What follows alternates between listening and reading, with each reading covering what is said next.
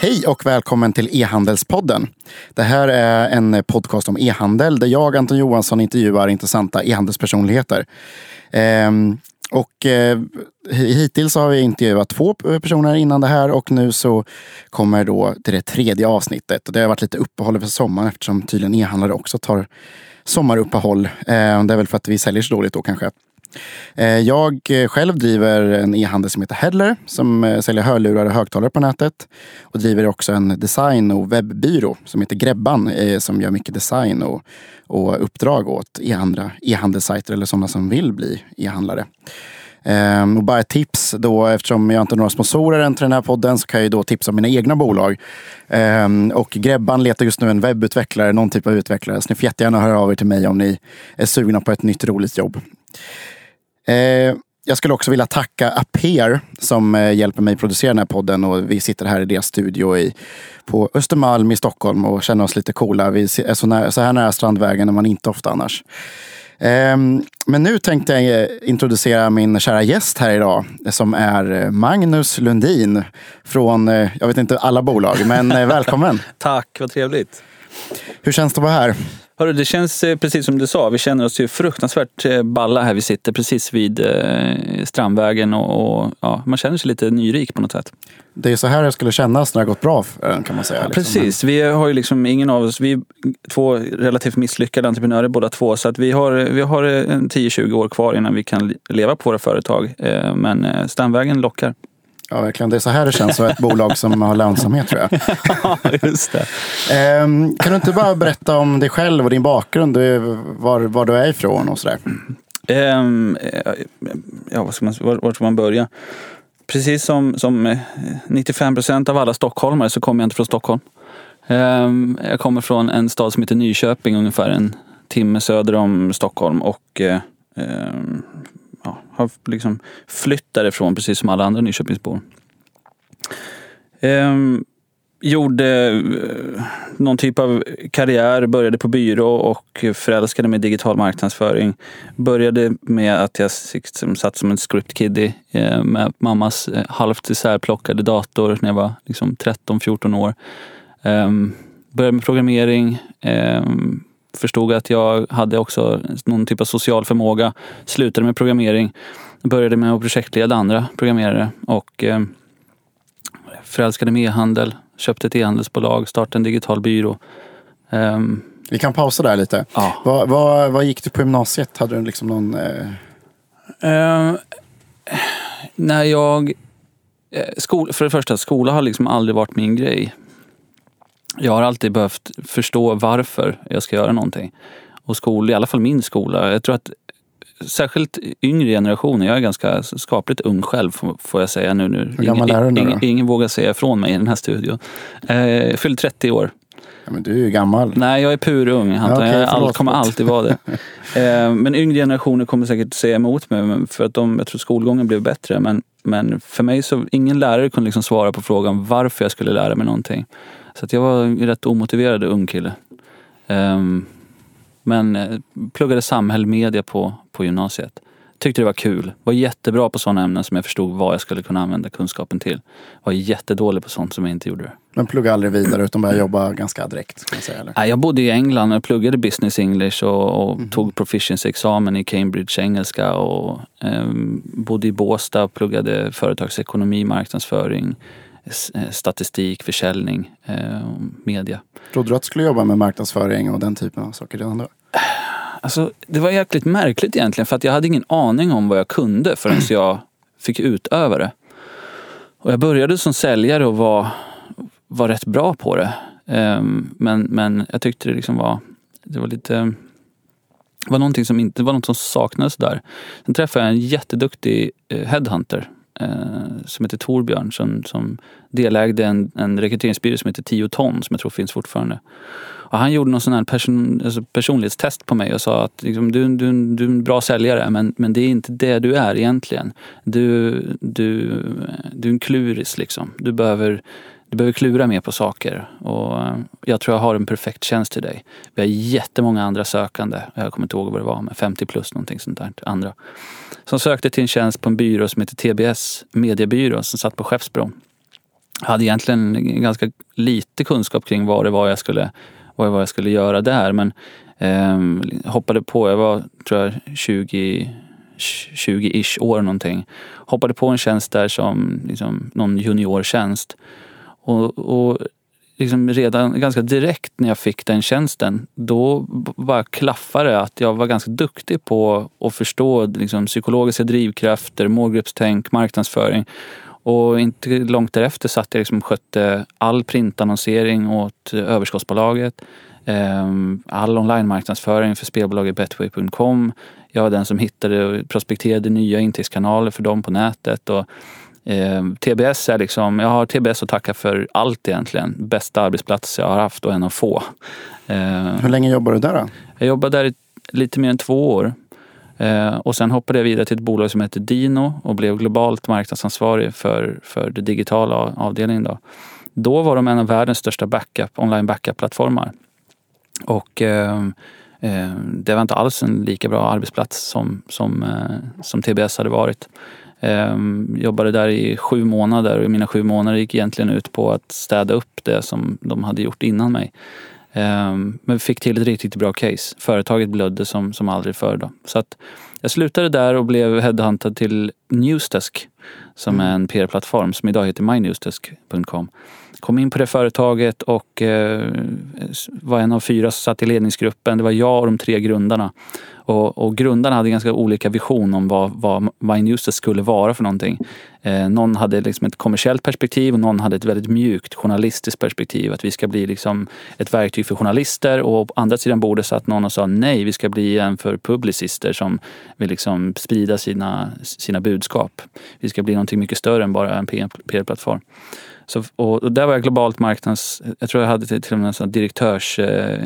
Eh, eh, Eh, och jag ansvarar också för expansionen på globalt. Men, men den titeln fick sen en av grundarna ta, men det var för mycket jobb för mig helt enkelt.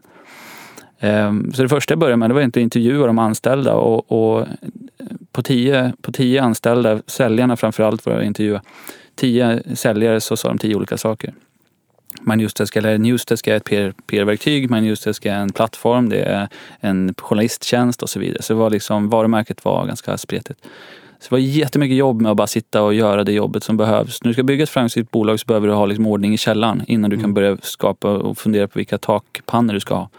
Absolut, eh. nej, men jag, jag känner man just väl. Jag har haft dem som kund och, så här, och, det, och jag har använt det länge. Men det är ju det är lite oklart fortfarande vad det är. Men det har ju gått bra för bolaget ja. och grundarna har ju lyckats göra exit. Och ja, liksom. och mycket, mycket av arbetet som, som gjordes då var ju det som, som eh, liksom, Eh, har legat till grund för att Manustisk har kunnat rulla ut på en global marknad. Manustisk är ju ett fantastiskt verktyg, fantastiskt liksom, företag. Peter Ingman är en otroligt duktig entreprenör som, är, som också är vdn där. Vi hade väldigt mycket liknande tankar. Eh, eh, jätte, jätteduktiga. Men när blev du då liksom eh, företagare då? Liksom var det... det var egentligen i affekt under Manusdesk-tiden. Det var liksom, det fanns eh, en av grundarna och jag kom inte alls överens. Vi hade, jag var mer åt det här kommersiella hållet. Att liksom, ni har en jättemöjlighet att, att rulla ut eh, liksom en innehållsplattform som är helt magisk. Eh, och det finns massa företag som måste förstå det. Journalisterna, liksom, de kommer att komma dit kunderna finns och, och, och vi måste skapa andra incitament. Alltså ni vet, om ni kollar på manjustus.com idag, då är den riktad mot, mot eh, liksom, kunderna. Men när jag började där, då var det liksom, den var riktad mot journalisterna bara. Um, så att jag kom inte, vi, hade, vi drog åt helt olika håll och han hade, alltså det var, det var väldigt spe, speciellt också. Han, han var um, ja, eh, han var väldigt omtyckt internt för han, han var ganska idealistisk liksom. Och, och, jag skulle genomföra de sakerna. Eh, och jag tyckte inte att det var de sakerna jag skulle genomföra. Någonstans i affekt där så, så sa jag bara, så bara nej men nu har du under liksom flera år hört av sig företag och vill att jag ska jobba med dem som konsult. Eh, det är det jag ska göra. Så att från en vecka till en annan så var det bara, nej men nu gör jag det här. Så Gamsun startades bara som enskild, enskild firma för sju år sedan nu tror jag. Och, eh, jag har ju varit inne på Gamsuns hemsida och så det, det har varit lite spretigt ändå. Det är både sökmotoroptimering, eh, sökmarknadsföring, det har varit sociala medier. Eh, mycket, lite, lite ganska brett egentligen, Jättebrett. internet, men fortfarande ganska mycket internetmarknadsföring som grund. Liksom. ja. Allting, som, egentligen så är allting som behövs för att lyckas, eh, för att få digital framgång. Det är typ det som var tanken. Men ehm, ehm, precis det, har, alltså det är precis därför som Searchmint finns idag. Mm. Ehm, jag märkte att, att eh, jag har en bred kunskap och det har varit, det, det var ju liksom också utmaningen i Gamsun. Att när, ja, men vad gör ni för någonting? Ja, vi gör allt digitalt. Liksom. Ja, Okej, det är ganska stort. Det är som att säga att vi gör allt i världen. Liksom. Ehm, och, och sökmotoroptimering och konverteringsoptimering gick otroligt bra i Gamsun. Och vi hade en bättre leverans än vad många av våra konkurrenter gjorde. Men då, då jobbar du med det. Eh, men sen på något sätt så blev det e-handlare där eh, också. Ja, och, eh, eh, tog över, om jag förstått allt rätt, egentligen uttaget belysning till slut. Ja, eh, Uttaget belysning var ju en av de här bolagen som då anlitade mig som konsult i Gamsen. Ehm, och ehm, det gick jättebra på de bitar som jag kände att jag kunde kontrollera. Men sen så satt det en ägare som liksom kanske inte hade en klar kostnadsbild och som inte kunde hålla i plånboken riktigt och han anställde mer människor än vad som kanske behövdes och han effektiviserade inte och så. Så när bolaget började gå dåligt och han ville att jag skulle gå in som delägare och, och köpa mig in och så här. Då sa jag att det, jag tror jag vet hur man vänder det här bolaget till vinst och jag tror jag vet hur vi tar det här bolaget uppåt. Men då vill jag äga 100 procent. Och och ehm, då hittade vi en, en överenskommelse där jag tog över hela företaget och han tog över liksom personalen. Så egentligen jag köpte, jag köpte inkråmet. Och det var alltså för ett bra pris, du behövde inte betala jättemycket. Liksom, eller? Jag ska säga att det var, han fick rätt bra betalt sett till vad det var faktiskt jag köpte. Om jag ska, om jag ska vara ärlig. Men han tog mycket av skiten också med sig. Han fick ju med sig en del av skiten, så är det ju. Ehm, eller skiten och skiten, men det som han, det som han hade byggt upp, det, det fick han mycket med sig. Jag tog med mig liksom ett... Eh, de första 10 procenten i resan fick jag med mig i form av att det fanns lite kunder, fanns lite leverantörer upphandlade och sådär. Men, eh, men det var... eh, Det var inte på något sätt en liksom perfekt plattform att stå på. Vi, vi, vi satt i någon gammal sleten liksom OS Commerce hyrlösning och tekniken höll inte. Alltså det, var, det var mycket, var väldigt, väldigt mycket problem med det också. Mm. Ehm, så så egentligen, om man var helt objektiv så, så var det något ganska dåligt uppköp. Eh, men men eh, jag såg, alltså, man måste hitta de där diamanterna och man måste förstå vad de är värda. Det är, det är inte alltid att man tjänar på starta helt från scratch heller. De första Nej. 10 procenten är svåra, de kostar. Eller framförallt så är det kanske så här som jag tänker i alla fall. Att hade man inte köpt en sån grej kanske man aldrig hade startat det. Nej, nej så, är kan det. vara Nej, så en det. viktig Nej. poäng också. Och det ska jag också säga, att jag, inte, jag sitter inte på något sätt och ångrar uppköpet. Det är liksom det bästa, bästa ekonomiska beslut jag gjort ju. Men ehm, Men så, och så eh, tog du över och försökte vända det. Vad var liksom core i, ditt, eh, i din vändning av det här bolaget? För det är ändå väldigt intressant. För det är många e-handlare som struggle. Liksom, med Ja. mycket, dels så, så alltså, vad ska man säga, number crunching. Det är liksom förstå vad det var som gav intäkt och vad det var som gav förlust. men vad omsatte bolaget när du tog över? Liksom, var det, Dryg, dryga miljoner tror jag. mm. Så att det var, men det gjorde ju många hundratusen back. Mm. Eh, Så det var, ett, det var ett förlustbolag som, som mådde, mådde rätt risigt. Liksom. Ehm, Number crunching, förstå vad det var som, som skapar intäkter och förstå vad det var som gjorde förlusterna. Och vad var problemet? Vad var problemen och vad var, alltså, vad var det Dels så som var det ju behövde? för, förra ägarens liksom, eh, frikostighet. Den, är ju, den, den, var, den stod för, för en del av det. Inte Vad innebär frikostighet? Sin egen lön? Eller det Nej, men han, han eh, tjänstebil? Och liksom, Ja, lite så. Han liksom shoppade på sig lite och det var inte en enda stor post utan det var liksom en stor mängd små poster. Det var allt ifrån liksom roll-ups som ingen någonsin kommer att se. All, det, det, man, det handlar om liksom att ha en kostnads, eh, ett, ett kostnadsfokus och, och se på sina kostnader som, som att det är kanske en liten kostnad men i stora hela så är, kan det sänka ett företag. Mm. Men, men eh, det var massa utmaningar. Dels så, så när jag satte mig och räknade på det så Alltså ut, man ska komma ihåg att uttaget.se det var alltså en butik som sålde elmateriel när jag köpte den. Sen hade de ett 20-tal lampor. That's it.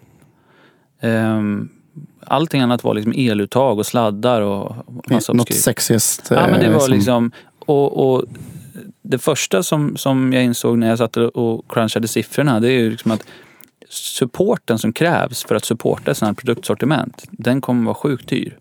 Alltså du måste anlita någon som har liksom avancerad ellära. Mm. Eh, och den kompetensen är svår att hitta och den kommer vara fruktansvärt dyr. Och ska du starta upp ett bolag då vill du inte ha dyr arbetskraft, snarare tvärtom. Så, Eh, och utöver det, förutom den dyra supporten, så var det väldigt låga eh, bruttomarginaler på eltillbehör. Plus att det var jättekonkurrensutsatt. Plus att köpbeteendet var sånt att man ofta köpte det i butik för att man gillade att gå dit och dra i sladdarna och, och så vidare. Och de största kunderna var elektriker själva.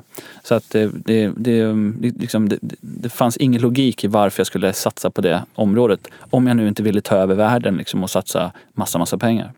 Men vad, och det är ändå det är väldigt långsökt att börja med lamporna. Jag, jag, vet inte, eller var det liksom? Nej, det fanns alltså i och med att eh, förra ägaren var en elfirma så fanns det, det var ju made, made sense att de höll på med eltillbehören för de hade ju redan ett, ett lager hemma med grejer som de liksom använde till sina kunder. Eh, men, men eh, de hade också lite lampor så att eh, när de var hemma hos kunderna och skruvade upp eltillbehör och sådär så sa de så bara, du, du ser ut som du saknar belysning här. Vi har ju bra priser så hade de en del leverantörer klara. Så att det, det var ju, det, alltså mycket av tillväxten första tiden efter att vi hade liksom kontrollerat kostnadsbilden, det var ju att, att eh, utöka sortimentet, förstå vad det var som sålde och, och, och hitta de produkterna och utöka det. Och det gick ganska snabbt så att jag tog över det på sommaren, typ första juli någonstans och den, den hösten, vintern så hade jag redan då liksom ja, tio dubblar, liksom, det var flera hundra lampor i, i sortimentet. Eh, och, Men var det då att du såg att det var, det var bra försäljning på lamporna som gjorde att du satsade på det? Eller hade du liksom en, ja, vi gjorde, såg du en, en möjlighet på, där? Liksom? Vi hade ju ett varumärke, vi hade en kundstock, vi såg att de hade köpt en del lampor. Vi visste att förra ägaren mersålde lampor till elkunder, så vi visste att det fanns liksom en korrelation mellan, mellan kundgrupperna. Jag visste att jag skulle kunna sälja lampor till elkunderna. Ehm, och eh, vi tittade på sökvolymer, det var otroligt bra sökvolymer och otroligt låg konkurrens sett till i alla fall till affärspotentialen.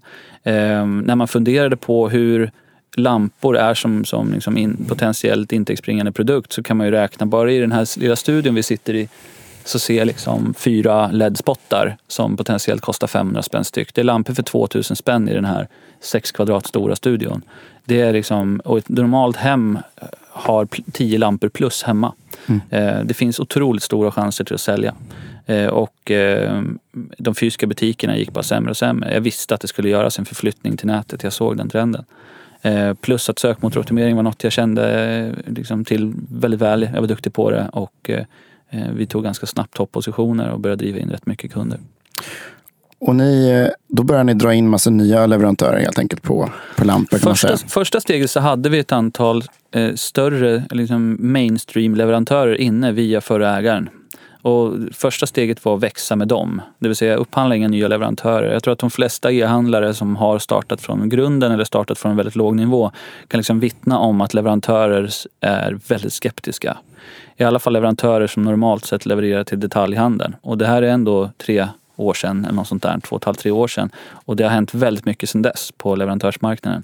Då var det nästan stängt. Alltså. Det var, har du fysisk butik? Ja, hur mycket kommer du lagerföra? Vi har en lägsta inköpsorder och så vidare.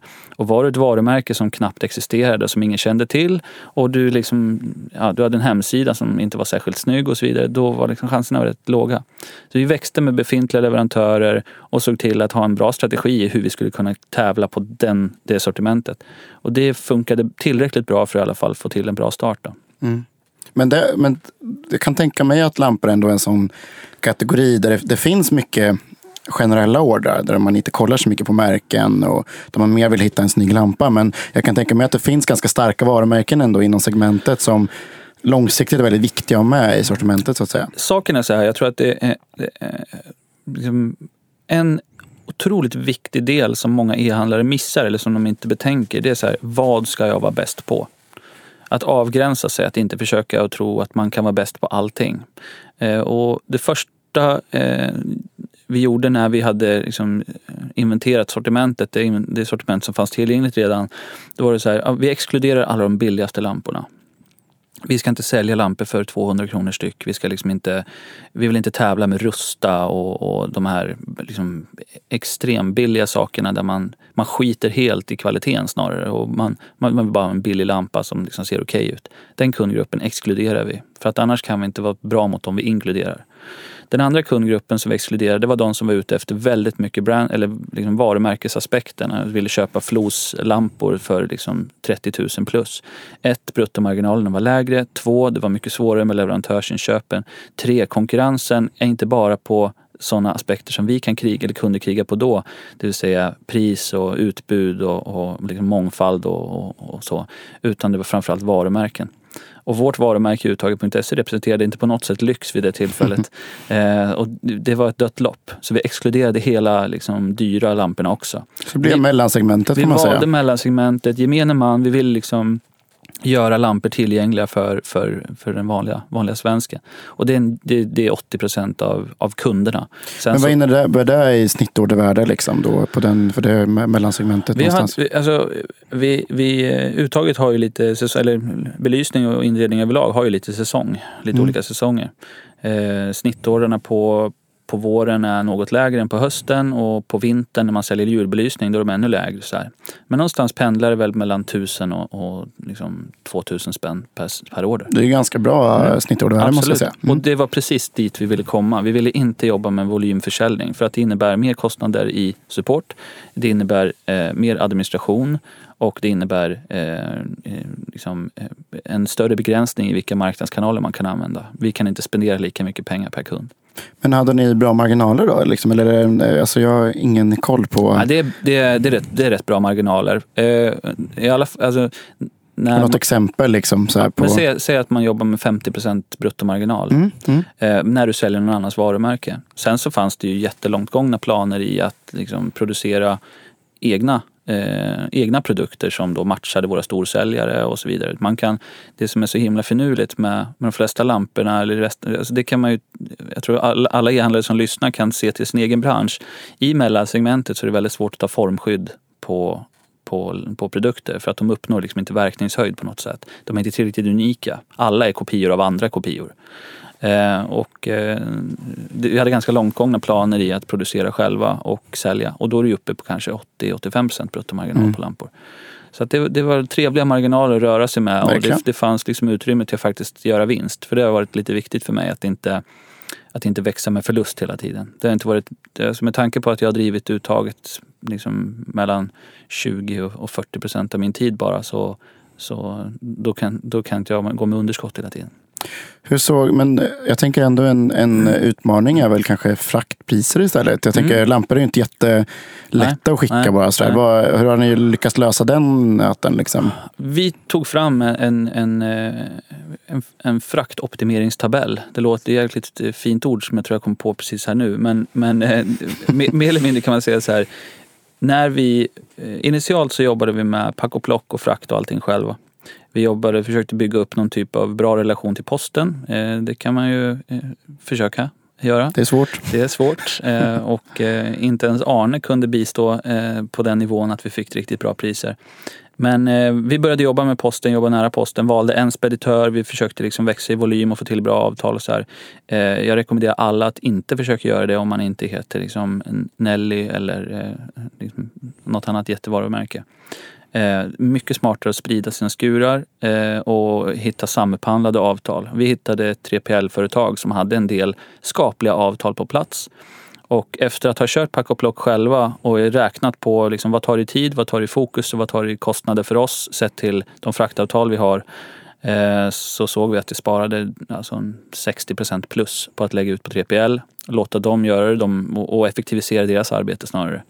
Så att eh, om en produkt eh, såg ut på ett visst sätt, det vill säga förpackningen var en viss storlek ja då, och vägde en viss sak, ja då liksom, eh, optimerades den mot rätt speditör och rätt avtal. Så vi hade, sam, vi hade liksom eh, riktigt bra fraktavtal i kombination med att liksom ha en känsla och liksom detaljkoll på vilken sak ska skickas med vilken speditör. Vad och det skötte ni själva? Det hjälpte inte 3PL? Eh, Nej, vi körde hela, hela fraktoptimering och tab tabellerna tog vi fram själva. Det låter klokt. Mm. Det borde nog vi göra på Hellema tror jag. Ja, ja. Eh, Man slösar otroliga man är pengar. väldigt, det är väldigt lätt att tänka att det är 3PL-leverantören som ska ta ansvar för det. Exakt. Men eh, De- vi, vi hade ett sånt exempel till exempel med vår. Det var att vi, eh, vi skickade väldigt lite med varubrev förut. Men Mm. så insåg vi att ganska, vår produkt passar ganska bra för varubrev. Mm. Liksom. Och våra kostnader har gått ner väldigt mycket sen vi började liksom, Ja. lägga in fler inom det här segmentet. Man ska säga, eller Mm. uppmana. Och, ehm, men, men hur, vilken, vill du säga vilken 3PL det var? Eller? Vi jobbar med ett bolag som heter Partnerlogistik. Just det. Som Mm. sitter i Lidköping. Men, Eh. och det har funkat bra med 3PL annars för er typ av produkt? Eller hur har det liksom, Ja, 3PL som, som fenomen har ju funkat magiskt för oss. Det har funkat alldeles utmärkt. för ni behöver inte säga egna produktbilder och sånt heller liksom, i så hög grad? Ehm, nej, inte så mycket. För det brukar annars vara en sån grej som jag tänker är ett Ja. problem med, Ja. med 3PL. Att Ja. det, Och då är det ju inte konstigare än att man Ja. åker till 3PL, tar med sig kameran och fotar av. Exakt. Sätter upp. Det finns ju supersmidiga små så här, fotobås eh, som kostar liksom 500 spänn. Som man bara liksom belyser och sätter runt, lampa, eller sätter runt produkten och så fotar man. Det blir Mm. professionellt. Men, men eh, som fenomen har det funkat utmärkt. Så att det, mm, jag skulle aldrig lägga min egna tid på att stå och packa och plocka. Det är liksom ett, det är ett administrativt arbete som andra garanterat är duktigare än mig på. Ehm, Det där är intressant för en del av, eh, ja, som Footway till exempel, Mm. som de valde ju, nu, nu tror jag de ska ha 3PL ett tag när de har slagits ihop. mm, mm. De har ju ändå slagits ihop med två andra bolag. Så det är väl, eh, Mm. men, men de har varit väldigt noggranna med att ha sitt egna lager liksom, Yes. och, sådär, och se det som sitt core. Men jag, tänk, jag tänker mer som du, att Mm. Vi är ju inte bra på logistik. Då Nej. ska inte vi eh, fokusera på det. Har du kapitalet och orken och lusten och kunskapen till att bygga din egna logistik. Partykungen är ett lysande exempel. Mm, eller Dan. Dan Nilsson för roliga prylar. Har du den orken och, och liksom att du lägger det kapitalet som behövs. För det krävs massa kapital och det krävs massa, massa kunskap. Och du får komma ihåg att varje sekund som du liksom drar in kunskap gällande logistik så förlorar du en sekund på att lära dig någonting annat. Eh, och det gäller bara att välja vad du vill fokusera på. Ehm, för mig så har det aldrig varit ett exempel på att bli duktig på logistik. Eh, och jag tror det är det som, som skiljer. Vi, vi, vi är som Pa- Partykungen, Roliga prylar, Footway.com och så vidare. Det är helt, de, de andra fokus. Och har du det fokus och det kapitalet, då ska du göra det. Men eh, vill, du, vill du växa lite mer bootstrappat och göra, kanske jobba lite mindre. Eh, Dan Nilsson har inte gjort några åtta timmar om dagen tror jag. Eh, jag tror inte. Joel har gjort det heller. Nej, men så är det ju. Men, eh, eh, men hur gjorde ni då mot kund för att få tillbaka en del av den här ganska relativt svåra fraktkostnaden? Liksom? Men jag ska säga, vad, tog ni, vad hade ni för fraktavgift? Ja, det, liksom? var, det har ju varit skitroligt att labba med. Mm. Vi har ju, vi har ju AB-testat konvertering, vi har tittat på returgrader. Jag, är ju, alltså jag älskar ju siffror. Och det är ganska kul, för skulle du fråga vem som helst i Nyköping och i min skola om Magnus gillade matte och, och statistik och så skulle de ju bara skratta. Eh, men matematik är det roligaste jag vet. Jag jobbar med det varje dag, flera timmar om dagen skulle jag säga. Eh, och när vi började mäta på det där så vi, vi har testat allt ifrån liksom enhetsfrakt till rörlig frakt till eh, fallande frakt ju mer du köper. Vi har provat med fraktfria gränser på alla möjliga nivåer. Vi har provat med fraktfritt. Vi har provat med enhetsfrakt plus gratis retur. Och det som, blev, det som var ganska intressant är att fri frakt, det konverterar ju bättre. Så är det ju. Men inte fri frakt plus höjda produktpriser. Nej, precis. Och för du måste ta igen kostnaden någonstans. Jag menar, det, det, kräver ju inte, eh, det kräver ju inte ett snill att komma på att man, om jag sänker mina priser och tar bort en kostnad för frakten, då kommer jag sälja mer. Ja, det kommer du göra. Men det kommer du göra om du sänker priserna med 10-15 procent också. Mm. Eh, Så, så jag är inte någon typ av uppviglare för fri frakt, för det är det som skapar olönsamhet i den här branschen ganska mycket. Fria, fria returer och fri frakt. Eh, Så att jag valde att använda fri frakt som kampanjverktyg. Mm. Eh, Jag tror vi kommer säkert att prata lite om det sen, för jag tror det var någon fråga kring det här med retention, Mm. strategier och så. Och, och att ha en ursäkt att kontakta kunden är perfekt. Att kontakta kunden och säga så här, hej kompis, du, eh, idag är det fri frakt. Ska du, ska du med och shoppa lite? Mm. Det är en perfekt ursäkt till att kontakta kunden. Det är bra för retention. Men vad, vad slutade det med? Vad var bäst då när ni testade? Absolut bäst var eh, enhetsfrakt. Som, och där labbade vi och kom fram till att någonstans eh, 5% av ordervärdet i enhets, fast enhetsfrakt och en fraktfri gräns. Och den brytgränsen den varierar lite på säsong men vi valde någonstans att lägga oss eh, strax nedanför tusenlappen. Jag tror vi låg på 800 eller något sånt där för Mm. fri frakt. Det, det, när, man, när man tittar på, på volymförsäljning, så, alltså e-handel är volym. Så ju större volym du har desto liksom, mindre ont gör det att, ha att gå ner med fraktfria gränsen. Men för oss så låg det perfekt på 800 spänn plus fri retur. Ni hade fri retur också? Exakt. Har ni, och det har ni haft, eh, alltså fri retur har ni haft på alla, vare sig man betalt eller inte? Och Jajamän. allting, ja. Fri retur har varit fantastiskt bra för oss. Och det första man kan tänka sig bara, ja det låter ju hål i huvudet. Det måste ha kostat massor med alla returer och så vidare. Ett, returerna sjönk. Vilket är helt eh, jätteknasigt. Mm. Jag tror att de flesta kunder de returnerar liksom i, på något sätt i affekt. Ja, nu pratar jag inte om mode och liksom när Mm. du köper hem fyra skor från, från eh, ja, jag kommer att påminna alla om att heppo.se var bäst. Man köper därifrån och man provar skor och skickar tillbaka två. Det är inte den typen av kund jag pratar om utan om kanske mer, liksom, lite mer lyxvaror och så som man inte returnerar så ofta.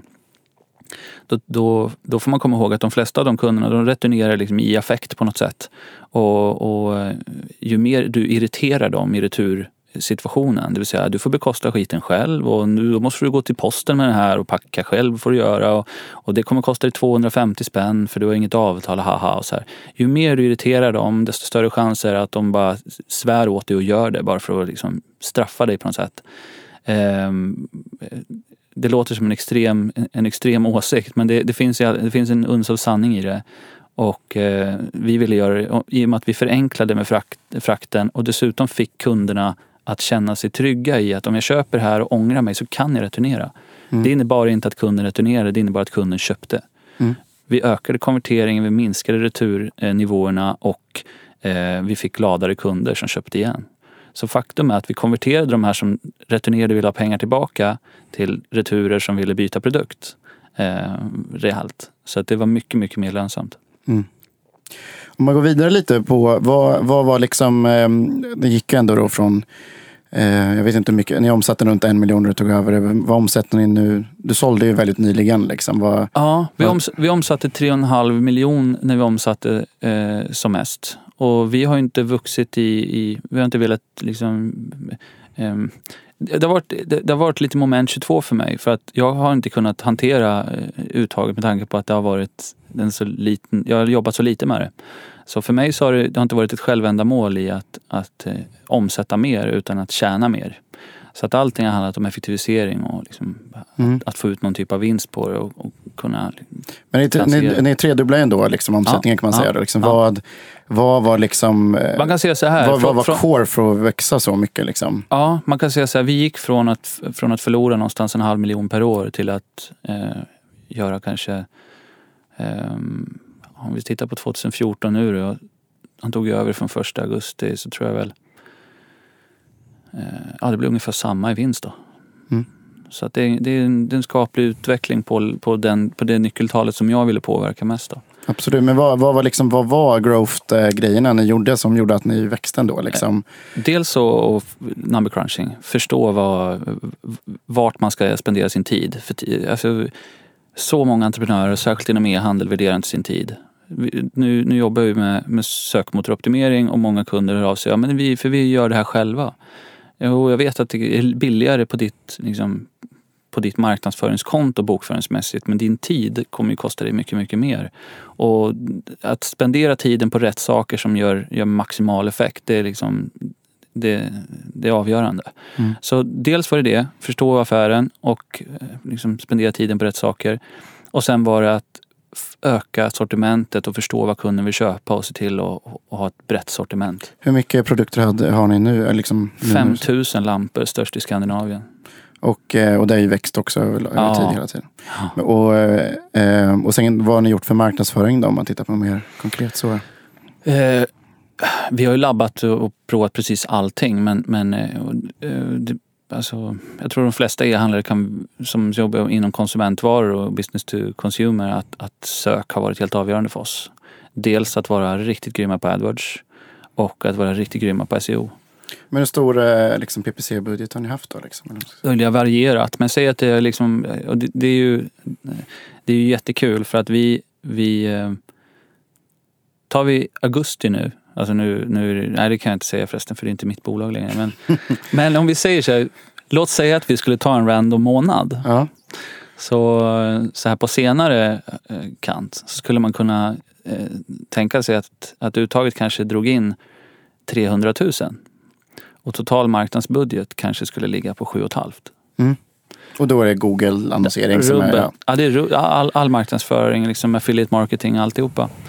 Ehm, och det tycker jag är rätt imponerande. Absolut. Det tycker jag är jävligt ballt. Och att inte behöva känna att man måste köpa sig till tillväxt hela tiden. Utan vi har Mm. skapat en, en organisk tillväxt som, som, eh, som funkar riktigt, riktigt bra. Ehm, men, men, vi, men, men vi hade en period när vi investerade i, i, tillväxt. För att e-handel är en, en volymbusiness och har du för låg volym då får du jävligt svårt. Så vi, ehm, så vissa månader kanske 50-60 tusen i månaden på AdWords liksom. Men det var där ni tryckte upp då. Yes. Vad skulle du säga ehm, eh, om du skulle dra upp uttaget? Nu har du sålt det precis. Mm. Men säg att du skulle dra upp det till 25 miljoner i omsättning då, Mm. på så kort tid som möjligt. Vad skulle Mm. du göra då? Ehm, jag ska gå ut till de nordiska länderna på en gång. För idag har ni bara sålt i Sverige. Ja, Mm. och, och eh, alltså allting handlar om fokus. Och det är, det, det är därför jag sålde uttaget ganska mycket. Den, det kapitlet var slut och jag ville ha fokus. Eh, Det är jättesvårt att driva flera liksom, bebisar samtidigt. Mm. Det är jättesvårt. Skulle jag ha 100% fokus på uttaget så eh, skulle jag ha eh, Eh, satsat på mer sofistikerad marknadsföring, alltså drip marketing och liksom eh, personaliserad marknadsföring, framförallt via e-post. Jag drev upp uttaget till en bra bit över 10 000 kunder på lampor liksom i Sverige bara. Eh, och de kunderna kommer garanterat att köpa igen. Jag tror köpcyklerna ligger två, tre år. Eh, så det är perfekt att trycka på nu då. Eh, sen så skulle jag eh, ja, gå ut i de andra nordiska länderna och sen skulle jag investera i tillväxt. Det finns jätteutrymme. Alltså ett så litet e-handelsbolag som har 20-25% vinst, eh, då finns det pengar som du, de, de, den vinsten skulle jag bara investera i tillväxt. Det låter rimligt. Ja, Mm. Men hur... ehm, alltså vi fick en fråga på, eh, på Twitter där. Ja var det den om Kalles Kaviar eller? Ja, nej, den också. Men, nej, men, eh, Magnus ser lite ut som Kalle i Kalles Kaviar. Kalle Kalles ser lite ut som mig kan man Ja, så säga. kan man säga. Ja, exakt. Det är hans förlaga. Nej, men vad, eh, lite så customer retention, alltså hur man får tillbaka kunderna. Hur, liksom, hur har ni jobbat med det? Eller vad är dina insikter om det? Mm. Eh, Allting, jag, tror- jag tror eh, allting handlar om kundlöftet. Liksom. Om du ska få en person att tycka om dig så kan du liksom inte gå och skryta om att du är bättre än vad du är. Ehm, du måste sätta rimliga förväntansnivåer. Om du sätter felaktiga förväntansnivåer, det spelar ingen roll hur viktig eller hur bra du är egentligen. Om du har konkurrens så kommer de att tycka att du har misslyckats med ditt kundlöfte. Så att vi körde mycket sådär liksom eh, eh kostnadsfri kundsupport, svar inom 24 timmar. Och så svarade vi egentligen inom en timme eller två timmar. Eh, det det är inte särskilt snabb responstid med en till två timmar men förväntansgraden låg så långt under vår, vår verkliga leverans att det var fantastiskt. Samma sak som många e-handelsbolag gör som misstag och säger liksom, ja, men vi tror att många fler kommer lägga ordrar om vi drar ner leveranstiden. Så vi sätter den på en, från en dag till fem dagar och sen så vet vi att det kommer ta fyra, fem dagar. S- s- testa. Alltså jag, jag säger inte att det är en universell sanning för alla, men testa, särskilt om du har en potential i återköpsgrad på dina kunder.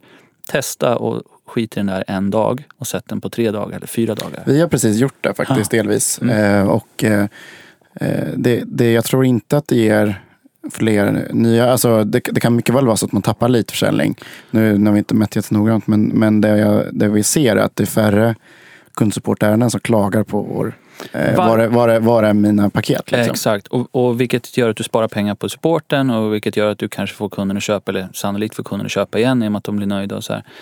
Ehm, knepet är att så fort du kommer med en dålig nyhet ska du komma med en bättre nyhet i samband med det. Så du säger till exempel att, eller du behöver inte kommunicera det till kunderna, men när du, när du förlänger leveranstiden då lägger du till någonting precis bredvid som är jäkligt positivt. Till exempel ju- just nu fri returfrakt. Och sen så lär du dem liksom att, att, att, att ta den nyheten. Men hur ser det ut liksom med, eh, hur, hur jobbar ni då? Hade ni nyhetsbrev eller vad använder ni för, Mm. för verktyg för att få tillbaka kunderna? Mm. Alltså, eh, eh,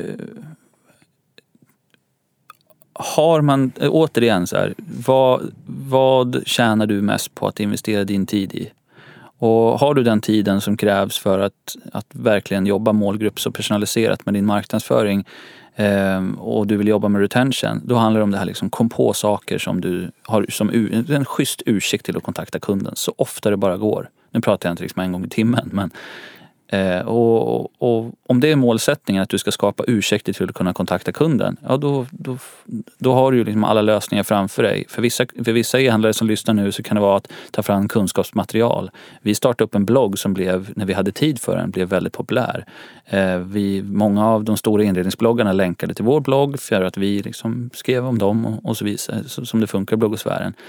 Eh, och så använde vi det materialet som kunskapsmaterial för att kommunicera till kunderna. För att då byggde vi en relation som inte bara byggde på sälj och kräng och priser och, och utbud och, och, lampor utan om liksom, skapa ett hem som gör att din familj mår bättre. Liksom skapa belysning är bra för din hälsa. Alltså, försök att få dem att liksom klistra fast din produkt på ett djupare plan än bara liksom, köpsug. Mm. Ehm, och skapa ursäkter till att kontakta kunden. Och när du har de ursäkterna klara då finns det massa härliga verktyg för att jobba med det. Alltså, jag skulle rekommendera alla till att läsa på mer om market automation och drip marketing. Ehm, det finns hur mycket bra verktyg som helst som är både billiga och extremt effektiva. Om man har tiden och om det är där man ska lägga tiden. Mm. En annan Twitterfråga jag fick var från Alexander på eh, Let's Deal tror jag. Det var, eh, vilka är de tre viktigaste kopiorna för en e-handlare enligt dig? Nyckeltalen? Mm. Bara så snabbt liksom. Oh, alltså det, och det, är ju, det är ju kraftigt, kraftigt varierande. Ehm, eh, det är alltid kul att generalisera. Ja, om vi skulle generalisera då. Eh, viktigaste, viktigaste av allt. Eh, bara, jag säger det bara för att väldigt få har kunskap, just det, känner till det eller liksom vet det nyckeltalet om sina kunder. Vad kostar din kund att köpa in? Vad kostar din kund att köpa in första köpet, andra köpet, tredje köpet och kanske till och med fjärde för vissa e-handlare? Vad kostar kunden för dig? Och hur ser kundens eh, liksom resa hos dig ut? Eh, vilken snittorder har den första köpet, andra köpet, tredje köpet, fjärde köpet? Faktum är att de, många av de e-handlare som jag jobbar med när jag gör den, när jag tar fram de nyckeltalen, då ser jag att ordervärdet ökar varje gång. Och det innebär ju att, att eh, det gör ingenting om du investerar. Den här gamla klyschan om att du ska liksom, en, en, en återkommande kund liksom är billigare. Det behöver inte vara så. Så om du betalar mer för att få en återkommande kund, om, alltså det, om jag ska generalisera totalt nu, så, och den kunden lägger en högre order, ja, då har du ju ändå ett, en högre vinstmarginal på den kunden. Mm. Så att det, det skulle jag säga, viktigaste nyckeltalet av allt. Känn till vad din kund kostar dig och inte bara första köpet utan följ den över hela köpprocessen. Kort, har du något annat nyckeltal sådär som eh, tycker folk är, eh, inte tittar på tillräckligt? Mm. Jag tror folk, alltså överlag så mäter e-handlare väldigt dåligt. Man sätter upp, eh, man, man har någon, någon, plattform och så sätter man upp liksom Google Analytics och så ber man sin, sin e-handelsplattform att liksom lägga in e-commerce tracking här i, i kassan. Eh, och sen är det inget mer. Jag tycker för sig största problemet är att eh, e-handlare kollar för lite på sina siffror kanske. Ja, men det är också det, sant. Det, alltså jag skulle säga att mycket som mäts men ganska lite som tittas på. Ja, eh, jag tycker att det är ganska lite som, som mäts på också. För att, och det gör att du inte har något att titta på. Och det är till exempel bara en så enkel sak. Lägg event tracking på dina köpknappar. Titta på hur, hur korrelationen ser ut mellan antal liksom, köpta produkter, det vill säga där man har tryckt på köpknappen men inte, liksom, inte genomfört den, kontra hur många som faktiskt har genomfört sitt köp. Där har du liksom potential kontra vad du lyckas åstadkomma. Och så ser du till att förbättra det nyckeltalet hela tiden. Mm. Så antal liksom, produkter i varukorg, antal färd, halvfärdiga kunder kontra färdiga kunder.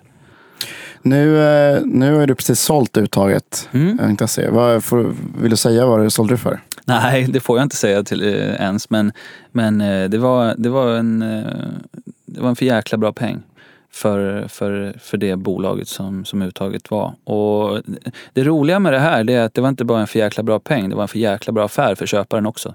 Så det var en sån här kanske lite semi-unik situation där båda liksom gjorde en riktigt bra affär. Eh, Men det var en all cash deal? Liksom. Ja, mm. absolut. Jag är inte inlåst på något sätt. En all cash. Jag, sen första augusti så har jag liksom, jag har inte jobbat med uttaget. Är det din kund eller, eh, fortfarande? Hudtaget är min kund ja. Mm. Ja, absolut. Som eh, på SEO och SEM och sånt. Ja, det stämmer. Ja, jag bara stämmer. misstänkte det. Ja, det, faktum, det roliga är att de vill investera ännu mer. Så att, ehm, alltså, uttaget, vet, vi gick från att, att driva in kanske 6 000 besökare i månaden, nej inte ens det tror jag. Alltså, från absoluta början då var det så här 500 besökare i månaden. Men säg liksom, när det ändå var uppe och rullade, 6 000 besökare i månaden. Vi var uppe i liksom 70-80 000 besökare på månad. Och det är liksom sök. Mm. Och då förstår man att då ska man investera i sök. Och om jag är den som har tagit uttaget hit så känns det ju rimligt att det är jag som kommer att fortsätta att ha dem där. Mm. Så, Ja, men det är skönt. men det var en, det var en, jätte, det var en jätterolig, jätterolig deal. Um, jättekompetent och duktig köpare. Som, Vem var köparen då? Vill du... Köparen är en, en, eh, en serieentreprenör som har eh, liksom, han har sålt av sina bolag nu och startat ett investmentbolag. Så hans tanke är att köpa upp e-handelsbolag, utnyttja de processer och den metodik som jag har tagit fram i uttaget och köpa upp eh, e-handelsföretag som kanske inte är lika liksom, lönsamma och som håller samma eh, liksom, sundhet i ekonomin och sen bara implementera de grejerna. Är hans liksom, eh, tanke att köpa upp typ av den storleken också? Alltså Ja. på ett par miljoner i Ja, omsättning? eller ja, mindre också. Så att hela tanken är att han ska ha en, en, en portfölj av, av ganska många e-handelsbolag snarare än att han ska liksom köpa ett, som, ett e-handelsbolag som, som ja, jag kan titta på, på Magnus och de här som köper upp eh, stora detaljhandelskedjor och sådär och inkorporerar. Så det är en annan business. Han är inte, han är inte miljardinvesterare utan han köper upp mindre företag och växer dem till liksom fem miljoner plus och så ser han till att ha en skaplig lönsamhet på det. Spännande. Mm, det är lite cool typ av investerare.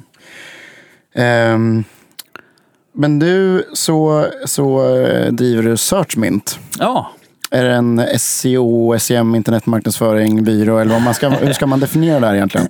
Det låter väldigt sökinriktat i alla fall. ja nej men så är det. Sök är den absolut största intäktskanalen på nätet idag. Inga konkurrenter ens i närheten överhuvudtaget. Eh, och, och tittar man på, på vad min drivkraft faktiskt är så är det att jag mår, jag får ont i magen varje gång jag, jag ser en e-handlare som liksom gör fel.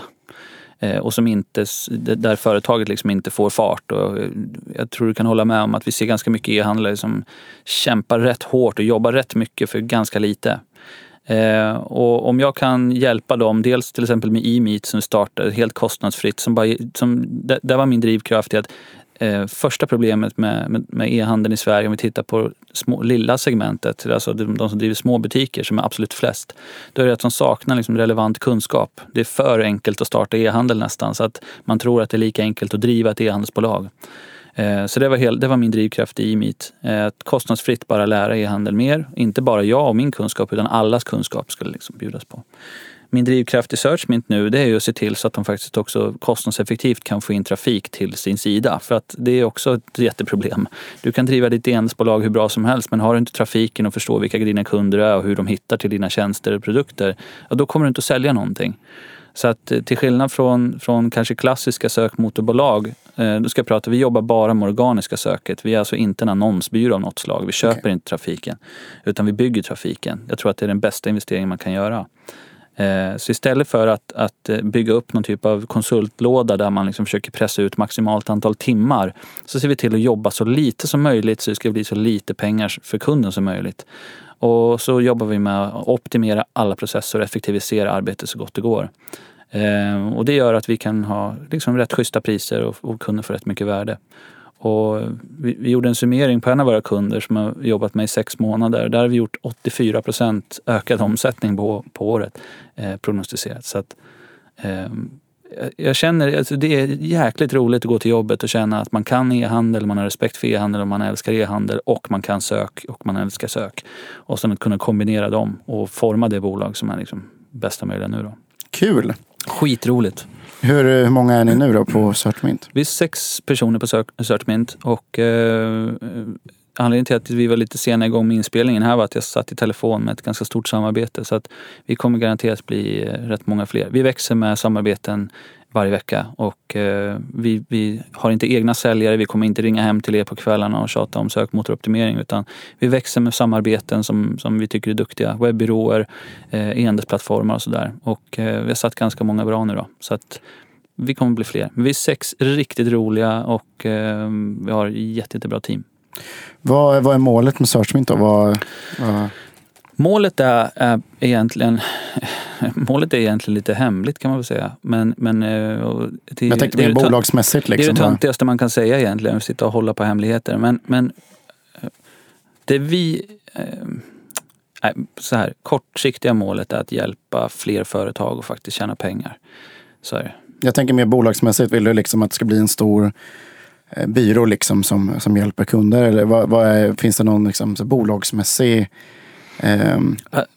när, jag, när jag började mitt företagande då hade jag så miljardambitioner. Liksom. Jag tror jag till och med sa vid något tillfälle till någon kompis här, om jag inte om jag inte gör, om jag inte skapar ett bolag eller liksom, om inte mitt entreprenörskap leder till en, en rejäl förändring i världen, då har jag misslyckats. Och, och, det är inte alls min drivkraft längre idag. Utan det är bara att tjäna pengar. Ja, ja precis. Uh, uh, ja, precis. Ja. Nej, Nej, men det. Uh, vi har liksom inga ambitioner på att bli ett miljardbolag. Utan vi vill bara ha, vi, vi vill se till att ha kul. Och, och se till att ha en, en tillräckligt bra ekonomi för att kunna ha kul. Är det en bättre business att sälja till e-handlare än att vara e-handlare själv? just nu? Ja, det beror på vad man säger är en business. Saken är att, att e-handel har gått från att vara en liksom transaktionsbusiness till att bli en aktiehandel. Kollar du Sportamore och de här företagen, det har liksom ingenting med några lönsamhet eller vinster att göra. Det har med aktievärde att göra. Och tittar du på Zalando, du kan titta på alla stora bolag som jobbar med e-handel idag, så Amazon, allihop. Det handlar liksom inte om lönsamhetsoptimering eller att kunna leva på det, utan det handlar om att öka sitt aktievärde och sälja aktien så dyrt som möjligt. Och sen är det liksom köp och säljmarknad. Ehm, så att eh, i det, i det enskilda fallet, driver du ett sånt e-handelsbolag så är det bra mycket mer lukrativt än, än att vara ett tjänstebolag. Däremot så är det bra mycket mer lukrativt att vara ett tjänstebolag än att vara en liten e-handlare. Utan, utan tvekan. Um, nej men jag, jag förstår vad du menar. um, jag har aldrig tagit ut några pengar ur, ur mitt e-handelsbolag, men jag har ju tagit ut pengar som konsult. Liksom. Ja, men det är ju det. Det är lättare. Liksom. Men, där, men däremot, sen är det klart, eh, det du säger nu, det är ju skillnad på value stocks och growth stocks. Liksom. Det är ju en, det är en growth-marknad just nu. Så det, det, det där kommer stabilisera sig. Ja, och frågan är om det stabiliseras eller om det liksom gör ondare än så. Ja, lite så. Um, men skulle du vara sugen på att bli e-handlare igen då? Det är ju liksom en relevant fråga tänker jag. Ja, eh, det var ganska roligt. Jag tror att det, redan innan nyheten var, var, var ute kring att uttaget var sålt så liksom bara började det eskalera med förfrågningar kring så här, vill du vara med på det här? Och jag, jag har hittat en grossist utomlands som vi får exklusivitet på i Sverige. Jag ska bli agent, vill du vara med och starta upp ditt och datt? Och jag tror det bara var att jag utstrålade liksom att jag, var, fanns, jag fanns tillgänglig på marknaden eller någonting. Men, men jag älskar ju e-handel. Ehm, just nu så, så jobbar jag tusen procent med Searchmint och måste se till så det blir bra. Däremot så har jag ett par projekt där jag kommer vara involverad ehm, i att eh, ta, alltså, hjälpa e-handelsägare att ta fram en, en plattform som de kan växa i. Då pratar jag inte e-handelsplattform tekniskt utan en, en företagsplattform. Liksom. En, Men lite som en, rådgivare då? Liksom, man ska säga. Exakt. Eller, alltså inte som, inte som delägare. Nej. Så att jag, jag tror inte jag har några intressen att gå in som delägare i, i, i några e-handelsföretag nu. Men, men eh, jag liksom stoppar gärna in min core-kompetens och går in kanske med sökmotoroptimering som equity och mot, mot royalties, löpande royalties på, året. På året då.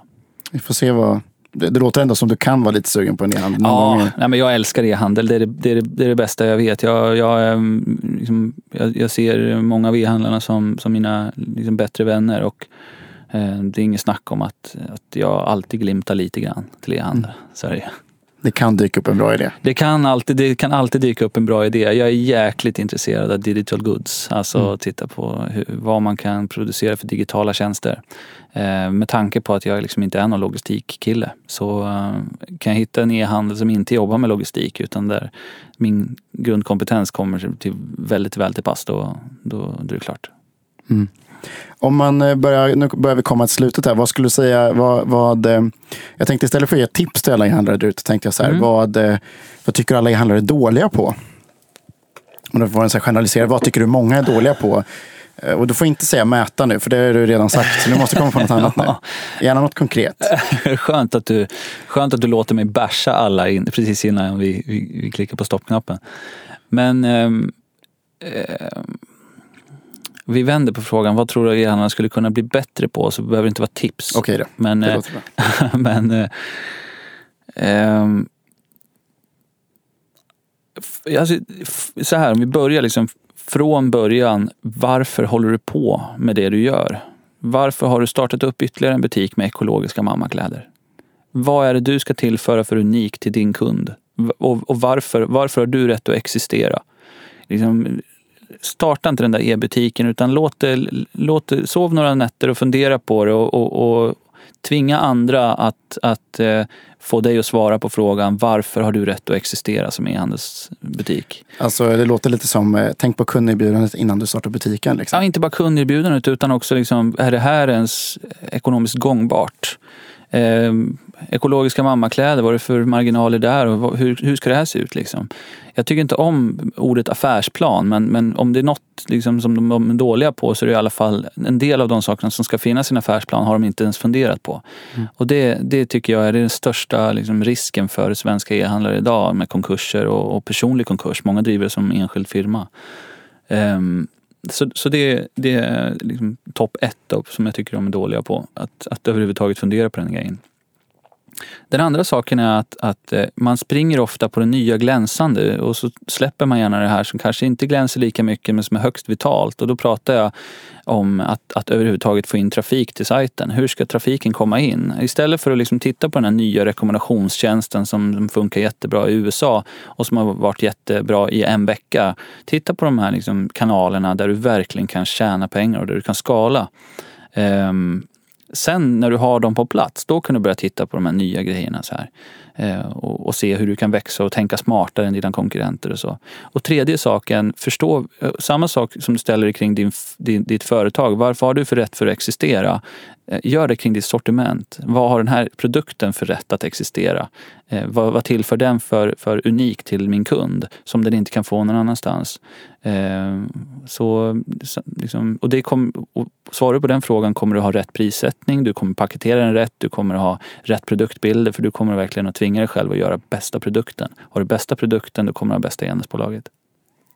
Det är bra avslutningar tycker jag. Ja, det tror jag. Det blev inte så mycket negativt till dem. Nej, nej, det är okej. Jag får väl ta det med någon annan e-handlare idag som vill basha på någon annan. Ja, mig satte du inte dit. Eh, Men vad, eh, har du något tips på vem jag ska intervjua här annars?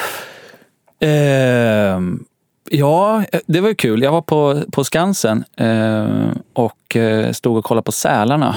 Och så knackade en person mig på axeln och av alla människor i världen så var det Fredrik Norberg som grundade Fyndik. Eh, jag vet inte om du kanske redan har intervjuat Fyndik? Nej, jag har inte intervjuat eh, Fredrik, men jag, jag känner Fredrik väl, så jag ska absolut fråga honom. Fredrik är, jag, ska, jag har faktiskt lovat mig själv att sk- skriva någon sån här artikel om liksom människor som jag tycker är fruktansvärt duktiga inom e-handeln och Fredrik är en av dem. Eh, riktigt vass och jag råkar veta att det är stora grejer på gång där borta. Fredrik är en av de mest briljanta i Handelssverige, det håller jag med om. Ja. Så det är definitivt på to-do-listan. Ja, Tack kan, så mycket. Jag kan tipsa om att du har lite nyheter där som kan komma också. Mm. Det är bra. Ja. Men eh, ehm, då tackar jag för att du ville komma hit. Tack själv, jätte, jättekul. Superroligt. Och som sagt, eh, ni får jättegärna twittra till e-handelspodden med feedback eller, eller mejla mig eller gå in på sajten och dela gärna så att alla lyssnar på det internt i era organisationer eller era vänner och allt möjligt. Eh, och eh, jag skulle igen vilja tacka Aper som hjälpt mig att producera den här. De är jättebra när ni ska göra er nästa radioreklam till exempel. Ehm, tack och på återseende inom kort.